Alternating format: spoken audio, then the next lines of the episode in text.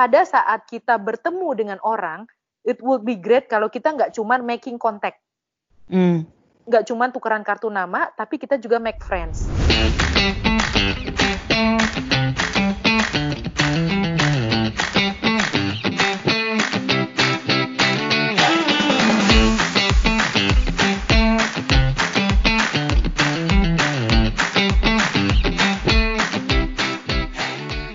Semuanya, kembali lagi di podcast Tips and Trick. Hari ini kita akan ngebahas tentang topik yang menarik banget, yaitu networking. Nah, networking ini adalah salah satu soft skill yang penting karena ini berhubungan dengan bagaimana kita bisa memperluas jaringan pertemanan kita dengan orang lain. Nah, di sini juga nggak cuma tentang pertemanan, tapi juga dalam konteks profesional yang nantinya dalam jangka panjang maupun jangka pendek sih bisa membawa kita keuntungan-keuntungan dalam karir kita. Nah, di sini aku ditemani sama Mbak Fani. Hai Mbak Fani. Hai Ti. Wah. Halo. Banget ya. Makasih lo udah diundang. Apa kabar Mbak? Wah, luar biasa. Kayak jawaban MLM kan. Kalau ditanya apa kabar harus jawabnya luar biasa. ini sebuah entusiasme yang sangat tinggi ya. Saya suka ini, saya suka. Jadi Mbak Fani ini adalah uh, marketing direkturnya Kantar Indonesia. Mungkin buat yang belum tahu, Mbak Fani ini jam terbang udah tinggi banget karena dulu Waduh, dia sempat di business development. Betul bukan? Wah, jam terbang tinggi sama tua emang agak-agak mirip sih ya Ti. udah tuwir emang. Jadi Mbak Fani ini tuh udah apa ya networkingnya bisa dikatakan lah luas gitu. Udah ketemu dengan berbagai macam orang, udah dari berbagai industri juga. Dan di sini Mbak Fani adalah narasumber yang tepat banget karena Mbak Fani akan share tentang gimana caranya kita bisa uh, memulai networking Aduh, terharu banget ya. Semoga nanti sesuai ekspektasi ya, Ti ya. Tentu dong. Nah, jadi di podcast ini kita akan membahas tentang apa sih networking itu, kenapa networking itu penting, dan juga tips and trick apa sih yang bisa kita aplikasikan saat kita ingin memulai networking. Nah, ada pertanyaan pertama dulu sih Mbak Fani. Jadi networking itu sebenarnya apa sih? Sip, uh, sebelum gue jawab soal networking itu apa, Ti, sebelumnya gue mau makasih banget ya, Ti. Ini beneran uh, thank you banget sih I mean I was happy pada saat Titi bilang uh, WhatsApp tiba-tiba Mbak mau nggak kita bikin podcast. Gue langsung mau. Secara jiwa banci tampil memang tinggi ya Ti. Iya betul. Dan terutama topiknya pas Titi bilang soal networking. Jadi gue langsung bilang boleh banget. Jadi kalau Titi tanya sebenarnya apa sih networking itu? Jadi in simple word networking itu sebenarnya adalah making friends. Hmm. Dan networking di sini kayak yang Titi bilang tadi barusan it can be for professional life ataukah untuk pertemanan atau untuk hmm. social life gitu hmm. karena uh, somehow professional life dan social life ini ini sangat berkaitan kayak hmm. contohnya ya kita nggak pernah tahu kalau tiba-tiba klien kita itu anaknya satu sekolah sama kita hmm. gitu dan itu terjadi sama gue di mana tiba-tiba pada saat gue ngobrol sama seseorang uh, di sekolah anak gue ternyata dia kerja di salah satu company yang memang kita targetin. Mm. Gitu. Akhirnya itu jadi great ice breaking sih. Dan gue untuk masuk ke company itu, gue lebih enak. Karena mm. ternyata, wah bagus ya. Akhirnya ada orang yang at least gue udah familiar. Mm. Gitu. Itu kan uh, kalau untuk pertemanan di mak-mak ya. Jadi sekolah bawanya. Mm. Tapi kalau misalnya untuk yang kayak geng milenial uh, semacam titik begini, jadi mungkin maintaining relationship atau networking itu bisa juga sama dosen-dosen kampus atau even hmm. teman kampus titik yang hmm. dulu. Hmm. Karena balik lagi, ini juga terjadi sama gue. Uh, hmm. Di mana teman gue tiba-tiba jadi klien gue pada saat uh, dealing dengan one of the top uh, eh, FMCG clients. Atau hmm. pada saat gue bikin event, gue mau approach salah satu banking untuk invite banking ini datang hmm. ke event gue dan tiba-tiba gue melihat salah satu familiar name di situ. Hmm. Jadi gue sangat happy dan uh, network networking gue dengan teman kuliah gue ini somehow bisa bermanfaat juga buat gue untuk hmm. keperluan uh, dunia profesional. Hmm. Gitu. Dan even sekarang kan uh, kebetulan gue megang marketing. Jadi di one of our plan itu kita juga melakukan university roadshow. Dan Hmm. itu dengan hubungan gue dengan dosen, somehow itu membantu gue banget pada saat gue approach Pak mau nggak Pak kalau eh, kita kerjasama antara Kantar dengan eh, University A B C gitu. Hmm. Jadi memang powerful banget sih ya networking dan itu ngaruhnya ke mana-mana. Hmm, I see. Jadi eh, kalau gue coba reflecting ya Ti ke Hmm. professional sports, pada saat kita bertemu dengan orang, it would be great kalau kita nggak cuman making contact, Hmm. nggak cuman tukeran kartu nama, tapi kita juga make friends. Terutama Hmm. misalkan kita di event, eh, event-event atau pada saat kita meeting dengan new clients. Sometimes kalau di event kita suka ngumpulin kartu nama ya, tapi udah gitu eh, balik ke kantor, wah udah ada 10 kartu nama, seneng, happy, tapi kita lupa, wah ketemu orang ini yang mana ya? Iya Wah, bener. Iya kan? Punya Hmm. nggak Ti experience kayak gitu Ti? Sering sih kalau dulu tuh event-event kayak ikutan apa ya.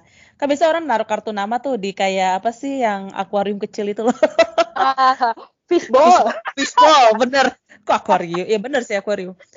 Nah itu kadang ya udah jadi kayak cuma formalitas saja gitu. Dan dulu kan pas awal-awal juga kayak mungkin belum terlalu paham ya eh, gunanya atau berapa pentingnya si networking ini. Jadi kayak cuman ya udah bacain namanya oh si orang ini kerja di sini jabatan ini. Tapi ya udah gitu. Gak ada Iya. so what-nya. Hmm, hmm, hmm. Kadang-kadang naruh di fishbowl juga untuk dapat ini sih eh, apa terakhir door prize sih Ti. Oh enggak ya? Nah, alurin. Bener sih, bener sih. Kalau aku sih gitu ya. Saya nggak pernah menang. Oke, jadi emang menarik ya. Ti. Eh, balik lagi, gue highlight lagi. Jadi di networking itu we need to make friends, not only contact. Hmm. Gue coba share dulu eh, apa namanya one of my experience pada saat gue jadi speaker di baby event. Jadi gue ketemu sama salah satu clients yang Hmm. memang udah gue incer dari dulu Hmm. gitu. Jadi di situ gue kenalan kebetulan dia bawa bosnya dan gue mencoba mencari tahu nih ngobrol lebih personal dan juga mencari tahu apa sih sebenarnya intention dia untuk datang ke event. Ya udah pasti pengen tahu tentang baby ya, tapi lebih dari itu apa? Dan pada saat ngobrol ternyata balik lagi di situ ada sebagai orang jualan ya orang BD, jadi gue merasa oh ini ada nih something yang bisa gue tawarkan ke dia. Hmm. Gitu. Tapi balik lagi pada saat ngobrol, gue menahan semua tawaran-tawaran yang seharusnya mungkin bisa gue ucapkan di situ. So I drop my agenda. Tapi gue Hmm. tahu, gue berusaha untuk mencari tahu lebih banyak tentang mereka. Hmm. Dan akhirnya pada saat untuk follow up selanjutnya, gue bisa melakukan follow up itu di email, tapi lebih personal. Misalkan, hey, uh, it was great meeting you during baby event, and from baby event we know that uh, your interest in bla bla bla bla bla. Terus kita juga Hmm. bisa, "Uh, do you know that I actually have uh, this kind of insight? Jadi akhirnya uh, kita janjian untuk ketemu. Jadi berlanjut. Hmm. Dan itu kayak apa ya? Sesuatu yang bisa digunakan sebagai hook ya untuk mencari interestnya tuh sama atau enggak Iya. dan bisa berkelanjutan tuh dalam artian ada follow up-nya gitu ya. Jadi nggak cuman kayak kenalan basa-basi tapi emang beneran bisa menjadikan pertemanan ini sebagai sebuah additional value baik kita secara personal maupun juga profesional kita. Betul banget. Nah, ini Gitu. pertanyaan sering muncul nih, Mbak Van. Um, kalau misalnya tentang networking gini, itu biasanya suka diasosiasikan dengan orang-orang yang jago ngomong, orang-orang sosialita lah, orang-orang yang bisa dibilang emang gampang aja gitu, ngajak orang kenalan, uh, ngajak mingle sama orang lain. Tapi apakah ini tuh benar? Apakah emang ini tuh sesuatu apa ya? anugerah gitu, ataukah ini sebenarnya sesuatu skill yang bisa kita pelajarin? Wah ini juga something yang menarik sih, Ti. Hmm. Bener. Kadang-kadang memang orang mengkaitkannya antara networking dengan ekstrovert. Padahal sebenarnya, menurut gue, kita nggak perlu ekstrovert untuk bisa good in networking. Hmm. Orang ekstrovert pun juga banyak kok yang good in networking. Hmm. Jadi gue juga sempat beberapa kali kerja dengan orang yang mengaku dirinya adalah introvert. Tapi ternyata pada saat gue mengajak orang ini untuk ketemu dengan new client, wow, gue bener-bener amazed dengan orang Hmm. ini. Sebenarnya, lu introvert kah, lu ekstrovert, yang penting kita tahu, kita mengerti diri kita sendiri, dan kita tahu bagaimana kita bekerja dengan our natural temperament. Hmm. dari mana kita bisa dapat energi itu. Kita tahu kapan kita bisa switch on atau kapan kita switch off. It's okay if you are introvert as long as you have willingness to engage with people. And mm. I hmm. believe it's official for everyone down the road. Mm. Gue juga sempat lihat beberapa online tutorial ya. Jadi kalau misalkan gimana sih caranya supaya orang introvert ini untuk good in networking. Salah satu tipsnya adalah uh, it's okay kalau misalkan lu butuh uh, your own time gitu. Mm. Jadi paling enggak lo make uh, kita make ourselves available during the event. Jadi pada saat orang datang ke kita, kita juga tetap terbuka. Pada saat ada orang pengen ngajak ngobrol kita. Datang di event kita juga datang lebih cepat. Datang lebih cepat di event atau meeting itu selalu membuat gue merasa lebih tenang. Mm. Jadi kalau misalkan meeting dengan new client pun, gue prefer untuk datang setengah jam lebih de, uh, di awal. Kenapa? Mm. Karena bisa melihat situasi di ruangan itu yang gue bisa pakai untuk basa-basi. Misalnya, hmm. datang ke uh, salah satu banking waktu itu. Gue datang lebih awal, gue lihat di kantor ini ada apa aja yang bisa dibuat basa-basi. As simple hmm. as, wah pak, tadi saya naik ke sini, saya nyasar mulu liftnya, sebenarnya yang mana sih? gitu. Iya, iya, iya. Kan di bawah ada Starbucks, wah tadi saya nunggu bapak di bawah dulu sih pak, saya datangnya kecepatan, kirain saya jauh. Jadi as simple as uh, those kind of thing, dengan kita datang early, kita bisa membuat diri kita lebih aware dengan situasi sekitar. Hmm. Dan jangan memonopoli pembicaraan sih. Misalkan kita takut ya di suatu event untuk ngobrol sama orang. Terus hmm. kita tahu ada someone yang familiar mukanya sama kita. Terus kita samperin, terus kita intilin terus. Ya kalau bisa sih kita juga memberikan kesempatan untuk orang itu untuk free. Gitu. Hmm. Itu memberikan kesempatan kita juga untuk berbicara dengan orang lain. I see. Paling dengan orang ini kan kita udah uh, ngobrol ya, jadi kita juga udah lebih confident, ngobrol di, udah lebih cair gitu. Jadi kita hmm. juga deh untuk ngomong sama orang.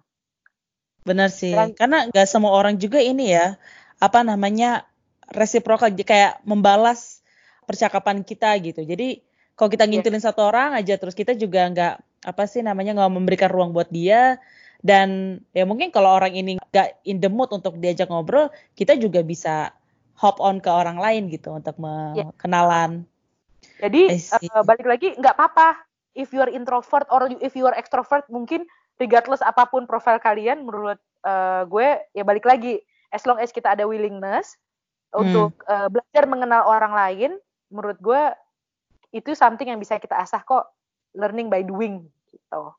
sih menarik banget sih. Emang itu sesuatu learning by doing sih setuju. Nah, jadi nih Mbak Van, kan banyak ya saat kita ingin memulai networking tuh kayak tadi Mbak Van mungkin sempat singgung, ya bingung aja gitu mulainya gimana, terus jadinya mungkin jadi uh, kaku atau ngintelin orang itu terus ke mana-mana kan. Nah, dari pengalaman Mbak Van ini, sebenarnya apa sih yang paling sering membuat kita males networking atau menghambat kita untuk uh, bisa memulai networking dengan orang lain? Oke. Sebenarnya ya, kalau menurut gue apa yang menghambat kita itu lebih ke mindset kita Siti. Hmm. Jadi pikiran mindset itu sangat berpengaruh. Pada saat mindset kita bilang, oke okay, kita takut untuk approach seseorang karena dia tuh senior. Kita takut hmm. entah ngomong apa segala macam. Itu benar-benar akan memblok jalan kita selanjutnya. Hmm. Tapi pada saat kita berusaha untuk oke, okay, mereka juga manusia kok, klien juga manusia.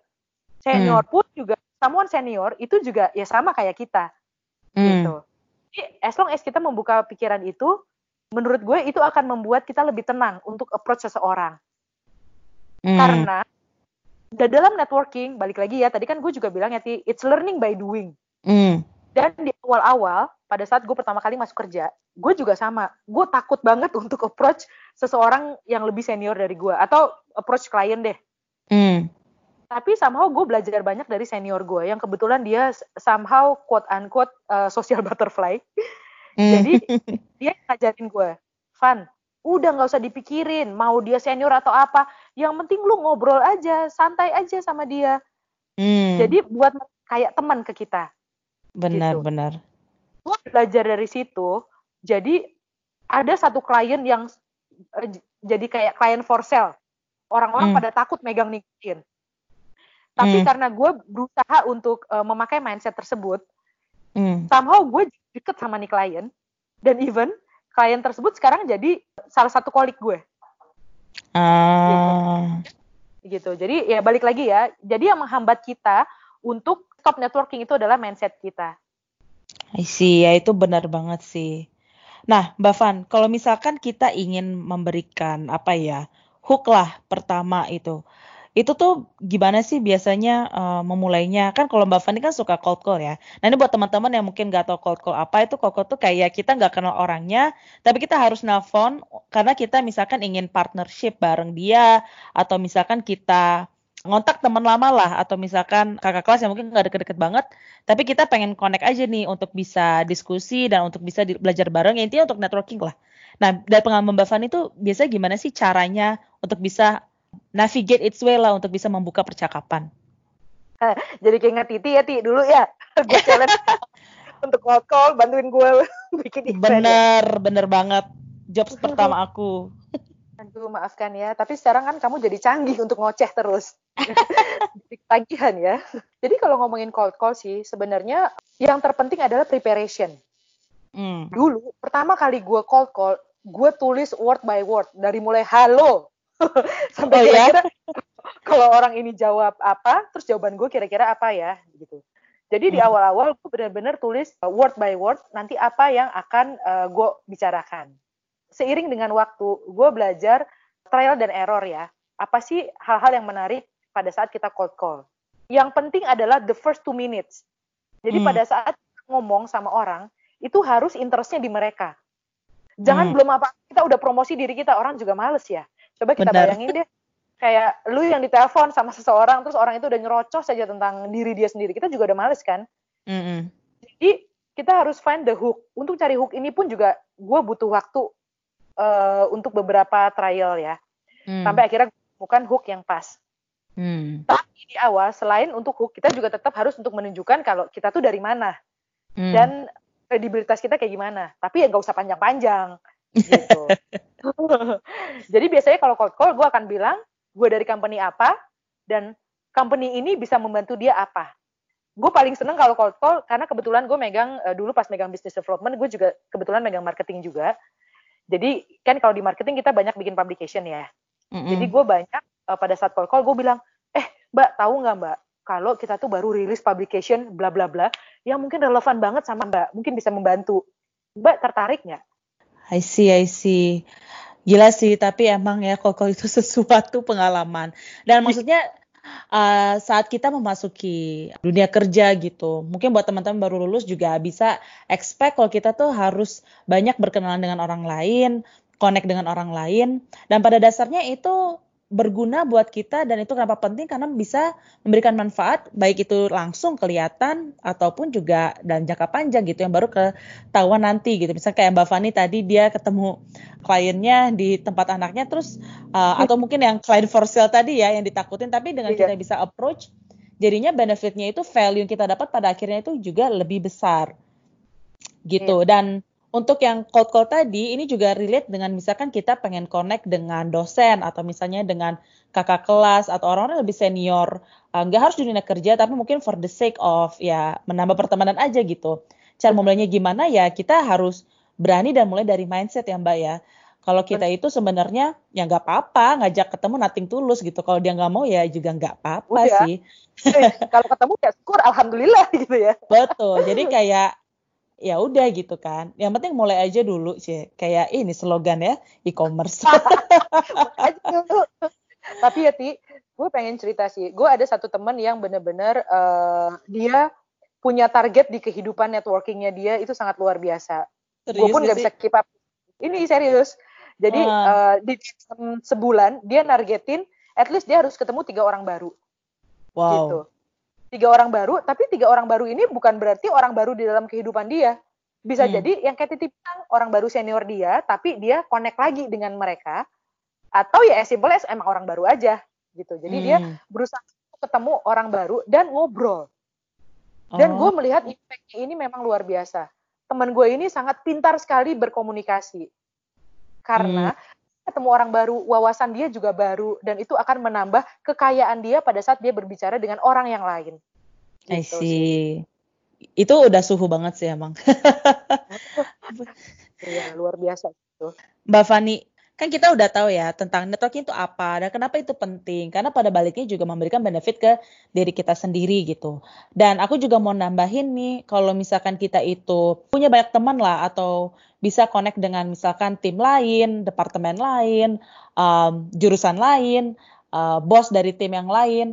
Jadi dengan memperkaya network itu kita juga bisa membangun secara nggak langsung ya personal branding kita gitu. Nah, kita akan dipercaya sebagai orang yang mau belajar, mau berkolaborasi um, dan dan sangat welcome untuk perspektif-perspektif baru atau juga insight-insight baru. Jadi dunia itu nggak cuma ya di circle kita aja, tapi kita ya. juga dipercaya sebagai orang yang luas dan bisa memperluas lah zona nyaman pertemanan kita tersebut. Bener banget. Apalagi kita kan juga nggak pernah tahu juga ya Ti, kalau tiba-tiba teman sekantor kita itu tiba-tiba jadi klien kita kan. Secara Bener. banyak dari teman kita yang pindah jadi klien side. Dan itu setuju sih kalau misalkan kita di business development atau ya banyak orang research yang juga jualan juga kan hmm. uh, harus growing their account dan hmm. pastinya hmm. kita akan happy banget kalau kita find familiar names pada saat kita ngelihat uh, pada saat kita approach new clients banyak banget case di mana gue harus approach beberapa company dan ternyata di company itu memang ada teman-teman yang bekas kerja di kerjaan gue yang sebelumnya dan di situ gue akan happy banget untuk ngobrol dan even pembicaraannya jadi more personal ya. Jadi hmm. enak mereka. Iya sih. Contohnya misalnya udah kenal. Tapi gue juga coba belajar, let's say bagaimana kita memulai networking dari zero. Misalnya hmm. ya, dulu kebetulan gue ngurusin salah satu event uh, di kantor yang target audiensnya adalah director level. Hmm. Di event itu gue undang salah satu klien, uh, tapi bukan klien gue ya, klien orang yang uh, untuk jadi speaker barengan sama gue di press conference. Mm. Kalau kita press conference, udah pasti kita harus punya kayak chemistry ya, supaya di press conference bisa tektokannya enak. Mm. Gue nggak tahu ini sama sekali di awal. Nah, mm. di our first meeting, yang gue lakukan adalah gue mengajak orang yang udah kenal sama klien ini untuk memperkenalkan gue dengan dia. Jadi kita punya mediator. Itu juga mm. bisa hmm. jadi salah satu cara sih untuk kita approach uh, new client. Kalau kita punya ada teman kita yang memang udah kenal lebih dekat lah dengan orang ini. Kita juga nggak nggak semata-mata share tentang diri kita, tapi balik lagi kayak tadi kita berusaha untuk tahu apa sih yang dia pengen tahu, apa something yang interesting buat dia. Nah, hmm. this interesting part bisa kita kasih nih ke dia during our discussion. Happy-nya, even after press conference, gue tetap building this relationship dengan orang ini. Dan hmm. malah lebih jadi orang ini juga jadi ngobrol soal anaknya atau soal sekolahan anaknya atau soal bagaimana dia struggling di dunia PR. Dan gue juga oh. banyak belajar sama orang ini.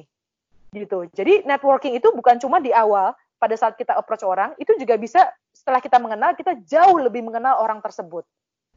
Dan hmm. sekarang orang udah pindah nih dari company yang waktu itu ya, dari company A lah, let's say. Sekarang dia pindah ke company baru, dia find some challenge yang dia kontak adalah gue. Fan bisa nggak ya kantor ngebantuin gue di gini gini gini gini. Hmm. Jadi you can jadi diingat right? ya top of mind. Yes. Once people trust you, they will go to you. So we need to make connection with them. Not hmm. only client sebagai klien begitu udah buy, omongan kita cuma kerjaan, ya udah buy. Tapi kalau hmm. misalkan hmm. klien adalah klien, tapi kita juga make relationship with them, make friends with them, itu akan lebih powerful sih. Jadi nggak transaksional hubungannya ya? Yes, transaksional nggak cuman uh, seserahan analisa dan uh, request, tapi lebih personal akan lebih enak. Hmm, I see. Nah, Mbak Van, kalau misalnya nih Mbak Van kan tadi udah udah share juga ya tentang overall gimana sih cara supaya kita bisa mulai percakapan dan atau bisa memulai networking ini gitu. Nah, tapi kalau Mbak Van bisa ngasih nih 5 tips yang praktis banget yang bisa dimulai sekarang juga nih dengan teman-teman yang dengar podcast ini kira-kira apa aja tuh Mbak? Aduh, langkah praktis ya. Sebenarnya nggak ada yang praktis sih, semuanya susah. gue pun juga susah kayaknya. Cuman ya, kalau misalkan uh, harus share lima langkah praktis. Kayak okay. tadi yang udah gue bilang ya, Ti. Pertama, hmm. yang paling penting banget, it's all about mindset. Hmm. Gue nggak akan capek-capeknya untuk mengingatkan orang-orang kalau misalkan mindset is important and hmm. our intention and willingness to make friends. Karena at the end, clients itu atau someone senior itu adalah human juga. Hmm. Jadi uh, try to making friends with them and build their trust. It will refer to us at the end. Hmm. Gitu. Itu yang pertama ya. Jadi mindset. Yang kedua adalah preparation. Preparation hmm. menurut gue uh, pengertiannya juga luas banget sih. Dari preparation uh, apa yang mau kita omongin. Kayak tadi cold call kan. Gue nulis bener-bener apa sih hooknya, apa yang harus diomongin. Dan yang pasti kita harus put our interest in someone else mm. gitu. Jadi uh, tadi ya preparation dari apa yang mau kita omongin, preparation siapa yang mau kita temuin. Jadi kalau mau call call atau mau meeting, gue senang banget stalking lewat LinkedIn atau lewat Google ya. Kalau nggak ada di LinkedIn, orang ini tuh kayak gimana, gitu. Jadi uh. Uh, kita ngobrol dengan mereka, kita udah tahu nih kira-kira apa ya common things antara uh, dia dengan kita. Atau kalau belum tahu ya cari tahu uh, dengan yang tadi. Dengan preparation siapa sih yang mau kita temui? I see. Atau itu di LinkedIn kita nggak tahu uh, apa commenting siapa kita tahu kan paling nggak dia kerja di mana. Jadi kita coba cari cara uh, apa ya yang kira-kira interest lagi buat mereka. Hmm. gitu. Nah ini juga berpengaruh juga let's say misalkan gue harus jadi speaker di salah satu event. Kayak kemarin hmm. di Cosmo Beauty hmm. Jadi yang gue tanyakan pertama kali ke IO-nya adalah siapa aja antara audiensnya? Dan uh, bukan cuma siapa aja ya udah pasti itu beauty event jadi beauty players ya. Tapi lebih ke audiensnya itu orang marketing owner apa? Jadi backgroundnya tuh apa? Mm. itu gue bisa mengadjust kira-kira what will be my talking points. Karena kan satu analisa itu bisa dilihat dari banyak angle. Mm. dan bahasanya pun untuk orang yang awam itu juga harus kita adjust kan? Iya. Yeah. Karena kan sometimes uh, karena kita udah terbiasa dengan kata-kata ilmiah, kata-kata research, kita kalau ngomong sama orang juga udah pakai bahasanya yang tinggi gitu, yang yang bahasanya suka berbau-bau research. Padahal sebenarnya kalau untuk event seperti ini, kita harus mengubah bahasanya lebih ke bahasa manusia lah, simpelnya. Gitu. Lo dulu pernah ikut ini gak sih Mbak kayak apa event mining ya? Mining ya ya ya. Jadi preparation pada saat gue uh, datang di acara. Kebetulan dulu gue kerja sempat kerja di manajemen konsultan yang menghandle banyak industri. Jadi hmm. ada mining, life insurance, banking, di mana background gue adalah background FMCG. Kebayang dong, biasa ngurusin susu ya tiba-tiba suruh ngobrol ngomongin oli atau mining. ngomongin Gak banget sih. Iya. Tapi di manajemen konsultan company itu gue bener-bener belajar sih bagaimana hmm. industri uh, gimana sih omongan-omongan atau isu-isu di industri lain. Hmm. Jadi gue mencoba belajar atau uh, cari tahu apa yang lagi hot di industri itu. Jadi itu salah satu preparation juga. Nah, balik lagi apa pun yang kita omongin nanti di event ataupun dengan orang itu berusaha jangan fake. Jadi kalau hmm. misalkan kita nggak tahu, it's okay tuh uh, untuk nggak tahu. Dan hmm. uh, ya kita bisa bilang ya I will get back to you nanti ya Pak, nanti saya cari tahu lagi tentang apa, nanti saya kontak deh Pak. Nah, dengan nanti saya kontak lagi deh Pak, itu kan bisa menjadi follow up question, follow up lagi kan? Follow bener. lagi. Gitu. Ah, I see. Bener sih, bener banget. Iya. Dan yang pastinya pada saat kita ngobrol jangan lupa nih, karena kita tension banget ya, misalkan kita takut, waduh abis ini ngomongin apa ya. Sometimes kita jadi panik sendiri, jangan takut untuk melemparin jokes atau sisipin umur-umur gitu pada saat kita ngobrol. Karena dengan kita ngobrol jokes, jadi um, itu juga bikin kita lebih santai sih. Gue pernah ya ti di awal-awal dulu ya waktu gue pernah uh, datang di event apa namanya sendirian gitu. Gue nggak hmm. tahu aduh apa yang harus diomongin, mana gue sendirian nggak punya teman. Jadi gue samperin ada salah satu orang, dia kebetulan sendirian. Gue bilang, Pak, uh, dari company mana Pak? terus dia gitu dia bilang iya dari bla gitu ya. Terus hmm. bilang e, iya boleh nggak pak saya duduk sini? Kebetulan saya sendirian nih pak. Saya dari tadi nyari temen cuman uh, saya datang sendirian jadi nggak kenal siapa-siapa. Boleh ya pak ngobrol ya? Gitu. Eh simpelnya kayak gitu. Atau uh, awalnya juga saya takut pak mau nyamperin bapak karena saya nggak tahu harus ngomongin apa gitu jadi it's okay untuk ketahuan kalau misalkan kita itu juga nervous hmm. jadi nggak uh, apa-apa kok untuk ketahuan seperti itu gitu jadi Dan, lucu juga sih. Iya. Jadi dengan kita ngobrol sama satu orang, kemudian kita pindah lagi ke orang lain, lama-lama it's build our confidence, it boost our hmm. confidence. Yang ketiga soal listening Siti. Langkah praktis itu dengan dengan listening skills kita. Jadi aktif di listening dan maintain eye contact. Jadi pada saat kita ngerti, kita ngangguk-ngangguk. Kalau nggak ngerti ya bilang gitu. kalau bisa sih memang kita uh, showing positive respon. Itu juga hmm. penting. Yang keempat adalah soal social skills. Jadi gesture kita, body language kita, personal appearance. Contohnya hmm. dia yang tadi ya, yang cold call. Jadi sometimes gue juga even itu cold call atau ada orang nelpon ke kantor mau nanyain soal uh, service kita. Good kalau it's good kalau misalkan kita juga ketawa atau kita senyum. Karena itu akan kedengeran banget. Dan itu hmm. akan kan suasana. Iya sih, itu benar banget sih. Itu advice yang dari Mbak Fani banget loh itu. Trademark. Jadi emang kelihatan banget ya Mbak ya, kalau misalnya kita ngobrol terus kayak kita manyun gitu, atau misalkan kayak lagi not in the mood tuh pasti kelihatan dari suara ya. Dan kalau kita senyum tuh kayak otomatis suaranya jadi lebih ceria, terus lebih engaging aja dengan orang yang kita ajak ngomong. Bener, bener, bener banget. Itu akan lebih engaging sih dengan kita hmm. ketawa atau dengan senyum. Tapi hmm. juga ketawanya harus ada kejelasan ya. lagi serius tiba-tiba ketawa. gue pernah sih serem juga ya lagi nego, udah tough banget. Di situ gue bilang, Pak, saya nggak tahu lagi sih Pak harus jawab apa, tapi sambil ketawa, boleh gak Pak? Nanti saya balik lagi. Cuman dengan itu akhirnya negonya juga jadi santai gitu loh. Iya, yeah, yeah. banget, tapi dengan kita ketawa atau kita bawa senyum itu jadi lebih apa ya natural dan lebih santai. Benar, benar, benar. Lebih luwes ya. Uh, yang kelima nih, Ti. Biasanya hmm. gue seneng banget setelah event gue connect sama orang-orang lewat LinkedIn gue nggak hmm. tahu sih seberapa uh, mungkin ada beberapa orang yang nggak memaksimalkan LinkedIn, cuman gue tipe orang yang sangat memaksimalkan LinkedIn. Lu gimana hmm. sih? Gue lumayan sih, lumayan aktif di LinkedIn, tapi mungkin tidak sampai level yang gue inginkan ya. Karena kadang-kadang lupa aja gitu. Tapi LinkedIn itu sesuatu platform yang menurut gue emang bagus ya. Kayak uh, banyak orang-orang yang ngepost atau misalkan bekerja di industri yang inspiring. Dalam artian dia suka ngepost sesuatu tentang industri dan menginspire kita gitu. Jadi kalau kita connect dengan dia walaupun mungkin kita nggak tahu atau mungkin dia tuh satu alumni atau misalkan uh, di company yang kita industrinya sama Uh, itu saat kita connect walaupun nggak kenal ya nggak apa-apa. Tapi nanti di feed kita kita jadinya dapat informasi-informasi yang uh, mungkin kalau kita nggak temenan sama dia kita nggak tahu gitu.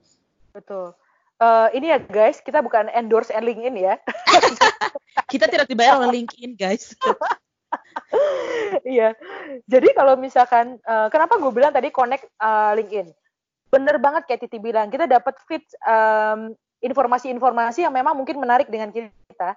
Dan ditambah kita juga jadi growing networking kita, hmm. terutama professional network. Untuk seseorang yang bergerak di bidang business development kayak gue dulu, ini sangat ngaruh banget sih. Pada saat gue mau approach orang atau gue misalnya gue bikin publication uh, Oroform gitu ya. Terus gue nargetin klien-klien yang memang jualan untuk uh, Oroform. Terus gue bisa tuh ngeklik orang-orang atau ngeklik brand-brand yang memang bergerak di Oroform. Supaya mereka bisa lihat feed gue dan uh, gue bisa share. Eh tahu nggak? Kita ada publication ini loh. Atau hmm. as simple as uh, pada saat gue pindah uh, di megang jadi total kantar itu kan juga gue mungkin gak gitu kenal regional di divisi yang satu lagi seperti apa.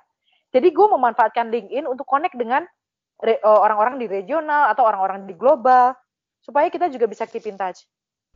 Dan hmm. akhirnya juga memang jadi lebih cepat gitu loh untuk uh, deketnya karena ya tadi kita ada satu platform yang bisa membuat kita ketemu satu dengan yang lain atau as simple as kayak tadi bilang bisa connect sama senior atau kalau misalkan gue uh, kebetulan gue banyak dealing dengan media, gue connect dengan beberapa jurnalis lewat LinkedIn juga. Jadi mereka bisa mengkuat publication dari LinkedIn, uh, publication hmm. kantor LinkedIn. Jadi awareness untuk medianya juga tinggi. Gitu. I see. Wah itu handy banget sih mbak tipsnya. Sangat praktis. Iya, itu praktis banget ya. nah gue kasih nih Ti, satu lagi Ti, gratis buat lo. Yang keenam, minta lima. jangan lupa untuk yang keenam adalah jangan lupa untuk praktis, hmm. untuk praktek, improve your communication habits, datang di networking networking event. kalau misalkan memang kalian ada yang salah satu responsibility-nya adalah untuk ketemu new client, ya jangan takut untuk cold call pertama gagal ya nggak apa-apa. Kita masih ada kok cold call sampai seribu. Kita hmm. kalian masih punya banyak list yang untuk uh, sambil belajar gitu loh. Dan hmm. at the end, jangan mikirin ini untuk keperluan kerjaan doang, untuk your responsibility at work, tapi gunakan networking ini untuk your personal advantage. Karena kan hmm. kita mungkin uh, kerja itu ya siapa tahu ya ada beberapa yang pindah-pindah. Tapi kan dengan kita building our networking untuk our own advantage, it will be uh, good for you. Benar sih, setuju. Dan itu dengan semakin sering kita network dengan orang, semakin gak juga kan. Kita sebenarnya latihan untuk bisa kenalan. Dan ya balik lagi sih, networking itu tidak seseram yang yang namanya ya, misalnya kayak harus jago ngomong atau segala macam. Tapi ada tipsnya ya, yang kayak tadi Mbak Fani udah bilang, yang penting itu dari mindset, mulai aja dulu. Terus kayak kita harus sadar kalau benefitnya tuh banyak banget juga kan buat kita. Dan semakin sering kita ketemu orang lain semakin luas lah kita untuk bisa kenalan dengan orang-orang berikutnya gitu jadi learning by doing ya Ti ya mungkin ya. Jadi nggak orang lahir langsung jago ngomong gitu ya. Pasti learning by doing. Jadi dengan banyak yang kita praktis it's definitely boost our confidence in talking with others. Setuju yeah, sih setuju sih. Aku ingin mengemphasize lagi kalau networking itu adalah skill, sesuatu yang bisa dipelajarin. Um, dan tadi tips yang dikasih sama Mbak Fani itu udah handy banget dan bisa banget langsung dipraktekin. Jadi ya itulah intinya networking itu memang apa ya, even kayak Mbak Fani aja tuh masih belajar gitu.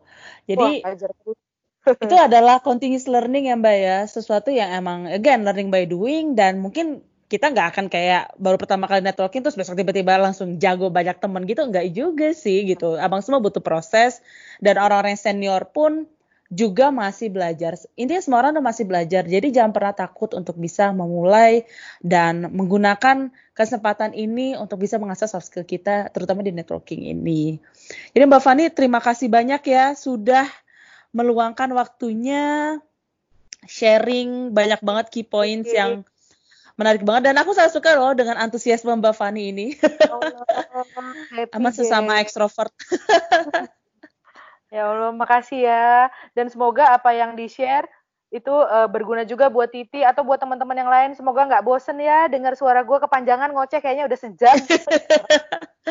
Enggak dong.